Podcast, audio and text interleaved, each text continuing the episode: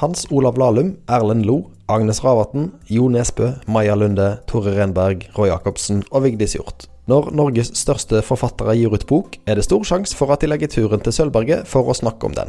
Du kan høre de i vår podkast. Da jeg første gang sa til markedssjefen i forlaget at jeg tenkte kanskje den nye romanen min skulle hete 'Persevalskes hest', så bare så hun på meg og så sa hun den skal hete 'Hva', sa du? Og så lo hun lenge høyt. Det har vært lett å skrive. Jeg ser fram til hver gang jeg sykler til kontoret for å skrive. Og, og med det så har det ligget en viss sånn skam i bakhodet. For det her er jo skjønt at sånn skal det ikke være. Det skal være kjempevanskelig å skrive. Man skal ikke ha det gøy. Like ofte trekker vi de store linjene på våre scener, hvor de litterære klassikerne blir lest med dagens briller, ofte med overraskende resultat. Og denne ungdomskjæresten fra Jæren hun er jo påfallende fraværende i alt han skrev, også brever, til tross for at disse to skal ha beholdt kontakten hele livet.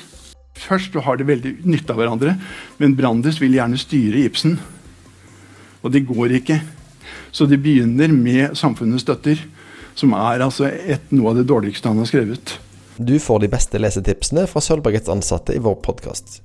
Dette er en sånn typisk bok som jeg liker kjempegodt, fordi at det er så gjenkjennelig, og det er det jeg liker best med bøker, at jeg kjenner meg igjen i karakterene, og her kjenner jeg meg kjempemasse igjen. Og så vil jeg bare si sånn at jeg, jeg er ikke så negativ til boken egentlig, som jeg, som jeg har framstått nå. Du ga en to stjerner på Goodreads. Ja, det var da jeg var sint når jeg var akkurat ferdig med den. Sølvbergets podkast finner du i iTunes, Spotify og hvor du ellers måtte finne podkastene dine. Vi er selvsagt alltid interessert i tilbakemelding hvis du har forslag til gjester eller temaer vi bør lage podkast om. God lytting.